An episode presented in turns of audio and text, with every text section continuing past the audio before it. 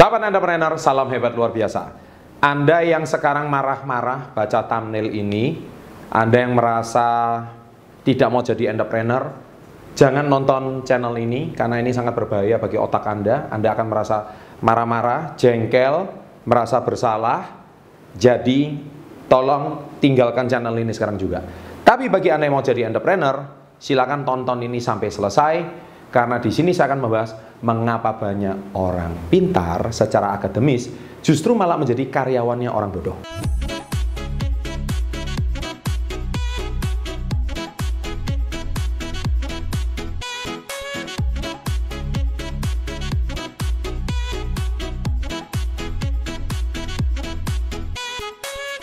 Jadi gini ya, sahabat entrepreneur, yang saya maksud bodoh itu adalah mereka sekolahnya nggak pandai, sekolah tidak tinggi, bahkan pernah tidak naik kelas, atau bahkan kalau dulu kuliah sering titip absen, atau bahkan juga mungkin dulu waktu di sekolah juga tidak berprestasi amat di akademis, tapi justru mengapa malah mereka sekarang jadi banyak pengusaha sukses dan mempekerjakan orang-orang yang hari ini secara akademis, ya secara akademis jauh lebih pintar, jauh lebih pandai, dan akhirnya itu mengapa? Nah, saya hari ini akan bongkar beberapa sebuah mindset atau cara berpikir kenapa fakta ini terjadi. Sebetulnya kata-kata ini saya sadur dari Robert Kiyosaki. Robert Kiyosaki itu uh, seorang guru yang sangat luar biasa. Dia juga banyak membahas tentang eh, sisi-sisi uh, kontroversial dari uh, dilema orang-orang kebanyakan orang di dunia dan dia bahas yang tidak dibahas di sekolah.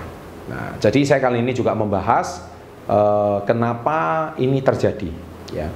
Jadi gini, sebelumnya kancah kuncinya itu cuma satu, yaitu mindset. Ya, saya ulangi masalah mindset. Kalau memang kata kuncinya di masalah mindset, otomatis ada sedikit perbedaan antara cara berpikir karyawan dengan cara berpikir entrepreneur.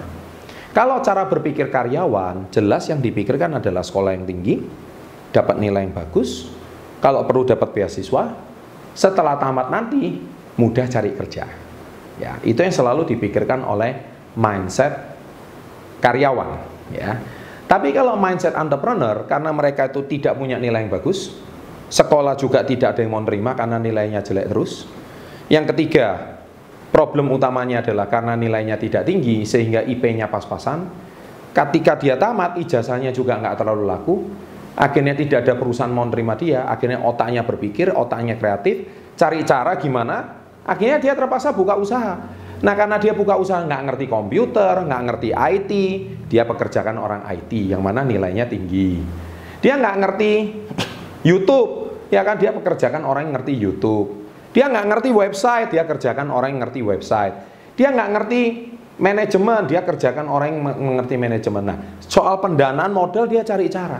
Nah dari sini aja Anda sudah tahu kan, uh, sangat berbeda cara berpikir daripada seseorang yang ekspertis di satu bidang, tetapi dia akhirnya menjadi problem di dunia usaha. Ya, jadi dia tidak bisa mengaplikasikan ilmu yang dia pelajari di kuliah. Dia harus e, berada di satu company yang mana company itu justru milik orang yang tidak lulus kuliah, jangan-jangan. Dan itu banyak sekali di Indonesia dan banyak sekali di dunia dan ini memang sebuah fakta. Ya, tapi sekali lagi saya garis bawahi, tolong tonton video ini sampai selesai sebelum saya bongkar lebih lanjut. Jangan lupa subscribe. Ya, jangan lupa subscribe sekarang juga dan jangan lupa loncengnya diaktifkan. Saya tunggu 3 2 1. Terima kasih. Nah, kalau orang ditanya, "Terus Pak Chandra sendiri bagaimana?" Betul. Kalau saya, saya sendiri seorang sarjana. Saya seorang S1, saya sarjana teknik. Saya selalu bilang sekolah itu penting, tapi tidak cukup. Tolong ulangi sekarang juga ditulis di menit keberapa, tulis di kolom komen nama Anda dan tulis quote saya, sekolah itu penting tapi tidak cukup. Nah yang tidak cukupnya ini yang saya bongkar sekarang juga. Sekolah penting, kalau sekolah nggak penting, saya juga tamat sarjana. Anak saya juga sekolah. Saya beritahu ya, anak saya juga sekolah. Tetapi tujuan dari sekolah ini yang berbeda. Saya tidak pernah mendidik anak saya bahwa, nak kamu sekolah yang tinggi supaya dapat beasiswa, dan nanti kamu bisa begini-begini. Enggak. Karena apa? Nah ini ada hubungannya. Kalau ayah Anda mungkin seorang arsitektur, Anda kecenderungannya ayah Anda akan mendorong anaknya menjadi seperti dia karena anaknya dari kecil dia melihat kegiatan bapaknya. Kalau bapaknya ini seorang dokter, maka dari kecil dia cenderung akan melihat karya bapaknya. Dia akan melihat apa yang dilakukan orang tuanya. Kalau ayahnya ini adalah seorang PNS atau ASN sekarang istilah barunya aparatur sipil negara, dia cenderungnya anak ini akan mengikuti jejak orang tuanya. Karena buah jatuh tak jauh dari pohonnya. Begitu juga kalau ayahnya pengusaha. Maka dia akan berpikir melihat nggak jauh beda sama ayahnya. Karena dia dibesarkan dari kecil sampai besar dia melihat aktivitas ayahnya aktivitas ibunya. Nah kalau dari kecil ayahnya suka memberikan waktu tidak banyak-banyak waktu terlibat di perusahaan dan banyak waktu kecil uh, waktu masa kecilnya banyak bermain bersama anaknya otomatis Anda itu mendapatkan yang namanya kedekatan modal Modal itu artinya apa? Berarti anak ini cenderung untuk lebih dekat dengan orang tuanya. Kenapa? Orang tuanya meluangkan banyak waktu sama anak sewaktu dia kecil. Ketika orang tuanya meluangkan waktu sama anak sewaktu dia kecil, otomatis Anda akan mendapatkan waktu yang berkualitas bersama anak.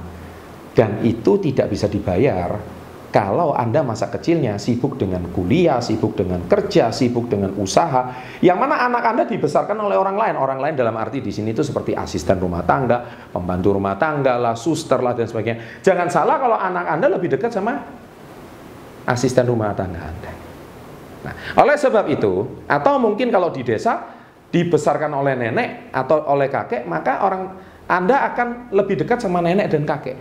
Itu Anda tidak akan lebih dekat dengan orang tua. Kenapa? Karena orang tua tidak punya waktu banyak untuk anak.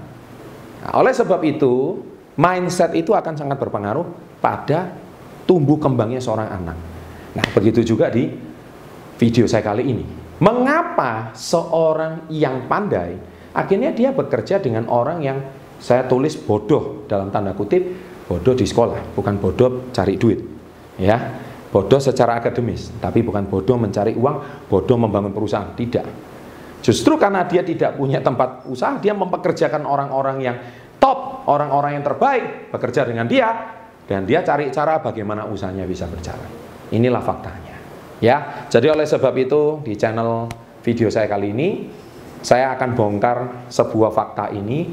Oleh sebab itu, saya secara pribadi ingin memotivasi generasi milenial jadi jangan menghina teman-teman Anda di kelas yang mana nilainya bodoh bisa jadi suatu hari dia akan jadi bos kamu. Tulis ini di menit keberapa. Ya, jadi jangan suka membuli teman kamu yang tidak naik kelas, jangan suka membuli teman-teman kamu yang hari ini nilainya bagus, eh, nilainya jelek, nggak tinggal kelas dan sebagainya. Hati-hati, karena bisa jadi suatu hari dia jadi atasan kamu atau jadi supervisor kamu, jadi manajer kamu nanti suatu hari. Ya, jadi sekali lagi tidak ada hubungan Ya sekolah, karena sekolah itu penting tapi tidak cukup, tapi hubungannya adalah mindset. Jadi kalau mindsetnya itu memang luar biasa, karena mindset entrepreneur dan mindset seorang karyawan itu sangat berbeda, di sinilah yang saya bisa bagikan. Demikian video saya kali ini yang saya buat. Kalau Anda tersinggung silahkan unsubscribe sekarang juga. Dan terima kasih karena sudah unsubscribe, karena channel ini akan terus melaju ada atau tanpa kalian semua. Terima kasih and salam hebat luar biasa.